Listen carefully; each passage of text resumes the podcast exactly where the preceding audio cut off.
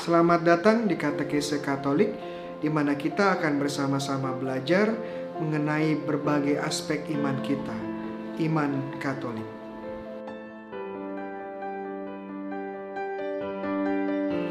Shalom, teman-teman terkasih dalam Kristus. Saya Romo Bayo Ope, dan selamat datang kembali di program Katekese Katolik yang dibawakan oleh Aquinas Center for Theology and Spirituality dan juga Faithline. Bagaimana kabar Anda pada hari ini? Semoga selalu sehat dan diberkati oleh Tuhan.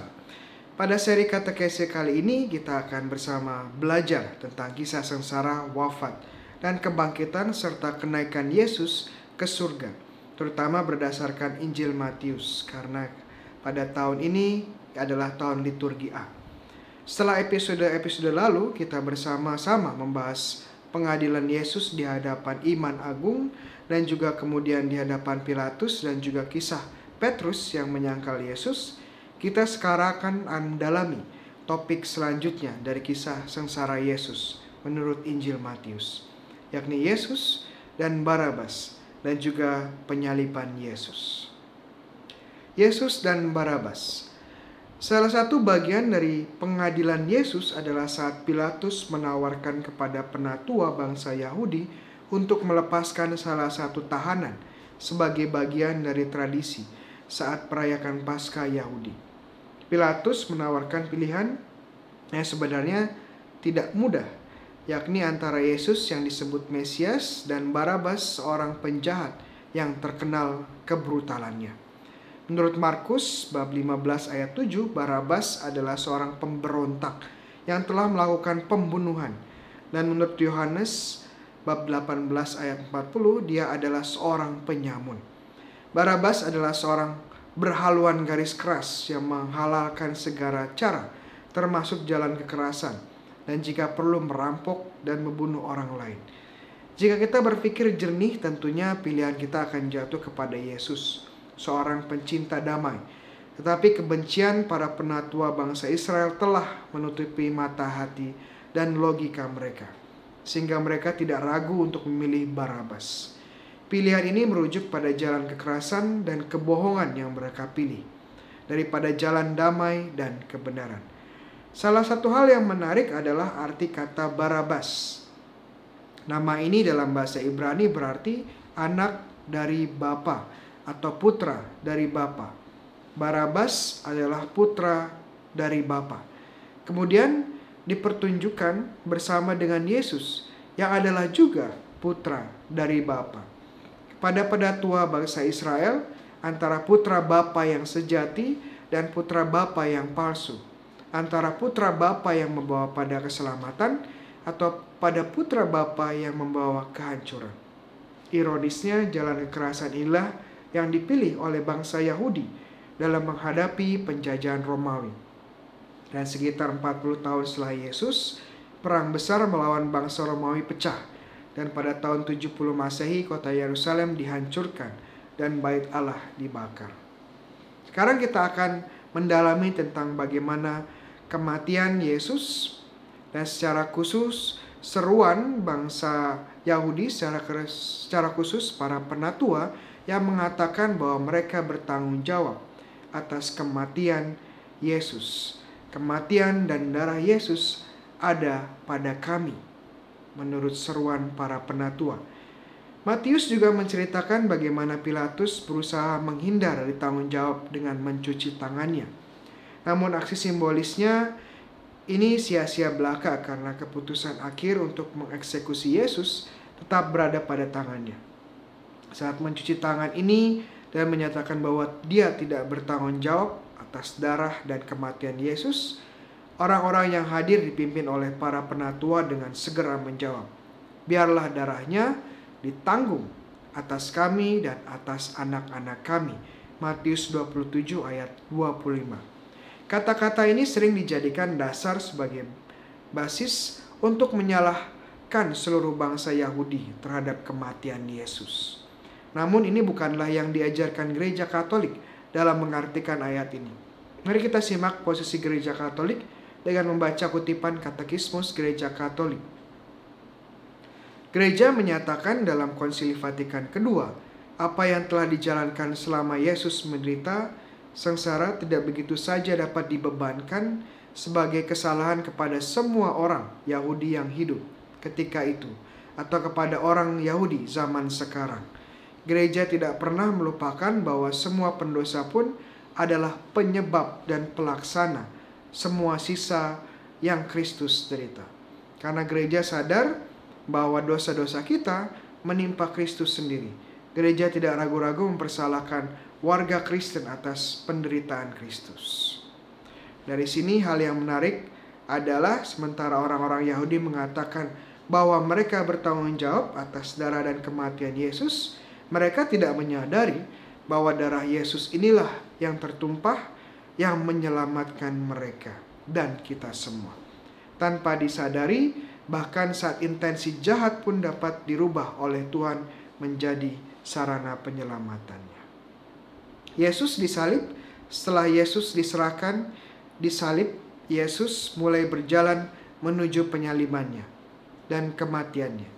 Matius sendiri hanya mengalokasikan sekitar 25 ayat dari Yesus mulai disesah sampai Yesus mengembuskan nafas terakhirnya. Ini sama panjangnya dengan proses pengadilan Yesus oleh Pilatus, juga sekitar 25 ayat. Bahkan Matius tidak menjelaskan apa itu penyaliban dan bagaimana Yesus disalib. Matius sepertinya menganggap bahwa para pembacanya tahu apa itu penyaliban dan tidak ingin membacanya, para pembacanya terfokus pada kekejian salib. Nah, jika teman-teman ingin tahu lebih jauh salib dan proses penyaliban itu seperti apa, teman-teman bisa melihat kembali kata kese pada Jumat Agung yang pernah kita buat dan bahas. Kemudian setelah Yesus didera, Matius secara lebih detail dibandingkan dengan Injil-Injil lain menggambarkan bagaimana Yesus menjadi bulan-bulanan oleh para serdadu Romawi. Tentara Romawi tidak hanya terkenal karena organisasi militer yang sangat teratur dan juga disiplin, tapi juga memiliki kemampuan untuk menghabisi musuh mereka tanpa rasa belas kasihan. Di antara para serdadu ini ada yang dikhususkan untuk menjadi penyiksa dan algojo, dan mereka tahu persis bagaimana memberikan penderitaan fisik dan psikis yang sangat kejam. Karena tuduhan kepada Yesus adalah dia adalah raja yang lebih besar dan lebih berkuasa dari kaisar Romawi, para serdadu menghina dia dengan memberikan atribut-atribut seorang raja kepada Yesus. Dia ditelanjangi, kemudian diberi jubah ungu atau merah darah. Mungkin ini adalah diambil dari salah satu jubah dari para serdadu. Kemudian para prajurit merajut sebuah mahkota dari duri. Menurut tradisi, mahkota duri ini berasal dari ranting pohon Ziziphus spina Christi, jenis tanaman yang biasa ditemui di Palestina dan memiliki ranting yang berduri panjang dan tajam. Bisa kita bayangkan sakit yang luar biasa saat duri-duri ini tertancap di kepala Yesus. Lalu sebuah buluh diberikan kepada tangan kanannya, seolah-olah memegang daga kekuasaan. Dan mereka mencemooh dengan berseru, Salam, hai Raja orang Yahudi. Tidak cukup mencela, mereka pun juga meludahi dan memukul kepala Yesus. Ini perjalanan menuju ke tempat penyaliban. Dan dalam perjalanan ini ada seorang bernama Simon dari Kirene yang dipaksa untuk membantu Yesus mengangkat Yesus dan salibnya. Sebenarnya jarak antara tempat gubernur dan tempat penyaliban berjarak sekitar kurang dari satu kilometer. Tetapi sepertinya para serdadu mulai merasakan bahwa Yesus tidak sanggup lagi untuk memanggul balok kayu untuk penyalibannya. Mungkin karena siksaan yang cukup brutal yang diterimanya sebelum memanggul salib. Simon berasal dari Kirene, yang adalah sebuah kota di Afrika Utara yang kira-kira terletak di Libya Timur. Kita tidak tahu persis apakah Simon adalah seorang Yahudi yang mengunjungi Yerusalem untuk berziarah Paskah Yahudi atau seorang non-Yahudi yang berkunjung ke kota suci untuk urusan lainnya. Kita juga tidak mengetahui dengan pasti apakah Simon ini seorang pengikut Yesus atau seorang sekedar simpatetik kepada Yesus atau seorang yang kebetulan sedang berada di lintasan jalan salib. Namun ketiga, ketiga Injil sinoptik sepakat menyebut identitas Simon sebagai orang yang membantu Yesus. Ini mungkin bahwa setelah penyaliban, Simon menjadi bagian dari gereja perdana dan namanya dikenang di dalam Injil. Matius menyebut tempat penyaliban Yesus sebagai Golgota, sebuah tempat eksekusi yang terletak di luar tembok kota Yerusalem, di pinggir jalan utama keluar masuk kota ini. Kata Golgota merupakan bahasa Aram yang berarti tengkorak. Kenapa disebut tengkorak? Mungkin karena ini tempat eksekusi para tahanan Romawi, baik yang disalib maupun yang dipenggal. Dan banyak jenazah dan kepala dibiarkan membusuk di sana sehingga banyak tulang dan tengkorak berserakan di tempat ini.